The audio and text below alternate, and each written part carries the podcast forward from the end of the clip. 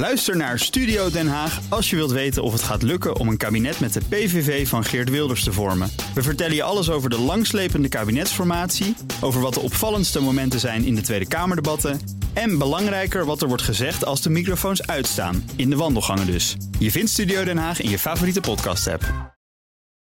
Auto-update.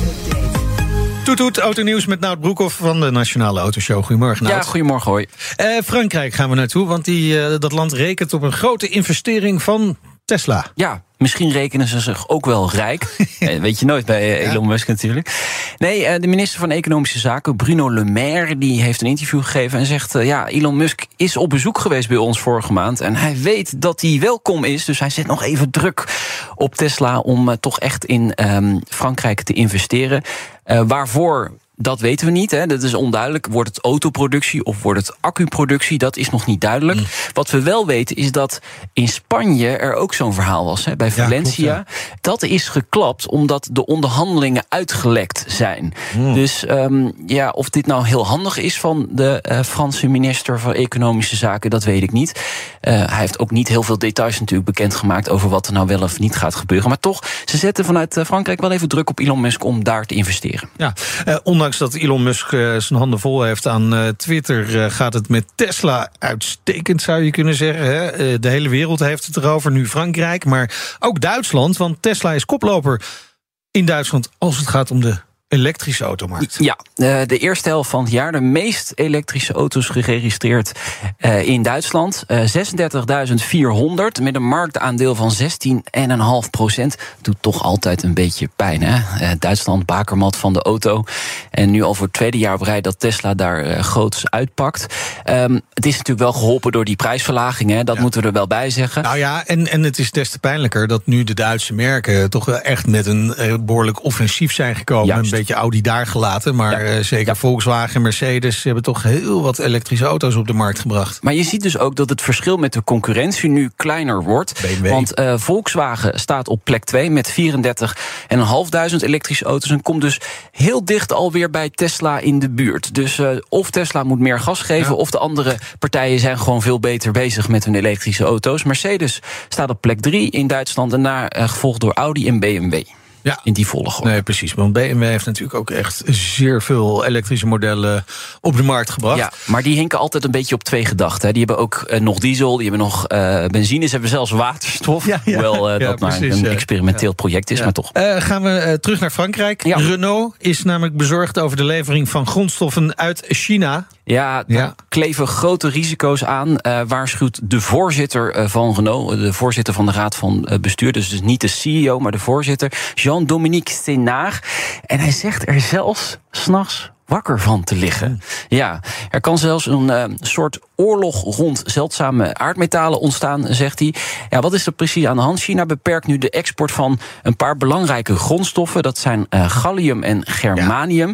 En dat zijn metalen die cruciaal zijn voor de productie van computerchips. En vooral in elektrische auto's zitten heel veel chips, honderden.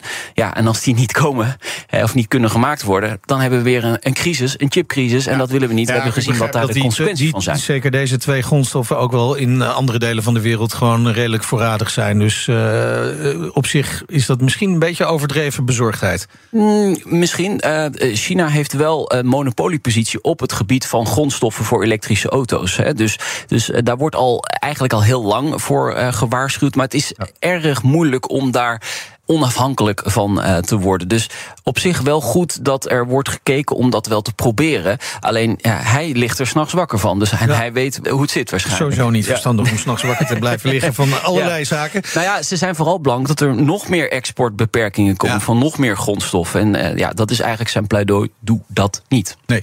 Eh, we blijven even in China, want de toezegging om abnormale prijzen voor elektrische auto's te vermijden, die is alweer ingetrokken. Ja, donderdag heb je dat meegekregen. Toen werd Ja. er een overeenkomst, grote overeenkomst getekend op een, eh, op een Chinees autosectorbeursachtig iets. Tesla. 15 eh, Chinese automerken uh, sloegen de handen ineen. We gaan niet meer concurreren op uh, abnormale prijzen. Dus eigenlijk zou er een einde komen aan de wapenstilstand. Nou, we zijn een paar dagen verder. Uh, Tesla kwam vrijdag al met een soort kortingsactie in China. Nou, dat werd al niet heel erg gewaardeerd. gewaardeerd nee. En internationaal kwam ook veel kritiek. Hè. Dit is gewoon kartelvorming, werd gezegd. illegale prijsafspraken, dat mag helemaal niet of misschien toch wel, want het is China en daar mag heel veel wel. Uh, maar nu blijkt dat die Chinese autobranche, dat is eigenlijk de rijvereniging van China, dat was ook initiatiefnemer van deze overeenkomst, uh, die heeft nu toch gezegd dat het in strijd is met de antitrustwetgeving in China. Hmm. Dus die toezegging om niet meer te concurreren op abnormale prijzen is van tafel. Die is weer teruggetrokken. Dus uh, er kan gewoon weer geconcurreerd worden op dus- prijs. Dus, dus de prijzen gaan omlaag? nou, misschien wel. Zou zou maar kunnen. Nou, uh, die uh, uh, autobranche sectorgroep die zegt wel... van ja, nu moeten ze dat ook wel weer gaan doen. Want ja, ze hebben die afspraak gemaakt. Het is nu niet de bedoeling dat, nee. dat ze toch op de achtergrond... Nee, contact blijven houden en over de prijs blijven praten. Dat mag niet. Goed, gaan we naar BMW. BMW bekend natuurlijk van de auto's, maar ook van de motoren. En ze komen nu met een, met een speciale motorbril. Wordt het een concurrent van de Apple? ja, zoiets. Ja, ja, wellicht wel. Het is de head-up display zit erin. Ja, zie je. ja, technologie uit de autosector natuurlijk. Hè. Voor in je auto kun je alle gegevens op je voorruit uh, projecteren. En dat is dan nu verwerkt in die bril. Het is een systeem met allerlei relevante informatie in je bril. Dus navigatie, snelheid, versnelling. Dat is allemaal real-time. Dus dat verandert ook. hier, rechtsafslaan, bam, ja, rechtsafslaan. En volgens BMW kunnen motorrijders zo beter anticiperen en veiliger de weg op. Nou, Iwan heeft zijn motorrijbewijs. Mm -hmm. uh, ik heb de bril even doorgestuurd naar jou, de foto's daarvan. Oh. Wat, wat, wat, wat, wat denk je? Ik vind hem niet heel lelijk, eigenlijk. Oh, nou, ik ben niet per se heel negatief. Nee? Ik heb meestal een vizier voor me, dus dat is een beetje onhandig. Maar dat is best wel een, een vrij brilletje. Ja. Prijs ook even gelijk opgezocht. Ja. Uh, in Duitsland uh, 690 euro. Het is nog niet een stuk goedkoper dan die van Apple. Ja, ja, nog niet duidelijk wat die dan in Nederland gaat kosten. Um, ja, uh, ja, ik, vind, ik ziet er toch goed uit. Ja, ik, ik zeg bestel hem even voor... hebben. Dit is echt een schaal van hebben. Ja, dat bedoel ik. Even ja, voor schaal van hebben. Leuk. Laten we iemand even een weekje op zijn motor komen. Oh, Twee maten, M en L. Geen XL, maar uh, dat. Uh, nee, ik denk een L'tje. Ja, iemand. Doe maar een L'tje bestellen. Lijkt me hartstikke goed. Goed, dankjewel, Nout. Ja, foto straks op bnr.nl/slash uh, auto-update. Ja, en de auto-update luister je iedere maandag en vrijdag terug via je favoriete podcast-app, waar je nog veel meer autonieuws kunt krijgen. Natuurlijk, uh, Petrolheads, Break de week. Van de Autoshow. De Autoshow. Alles, alles. alles. BNR Mobility. Ach. Je vindt alles terug in de podcast-app. Dankjewel, Nout. Allemaal abonneren, hè, jongens. Abonneren. De auto-update wordt mede mogelijk gemaakt door Leaseplan. Leaseplan. What's next? Ook Harm Edens vind je in de BNR-app. Je kunt BNR Duurzaam niet alleen live luisteren in de app, maar ook terugluisteren als podcast, zoals al onze podcasts. En naast dat de BNR-app Breaking News meldt, houden we je ook op de hoogte van het laatste zakelijke nieuws. Download nu de gratis BNR-app en blijf scherp.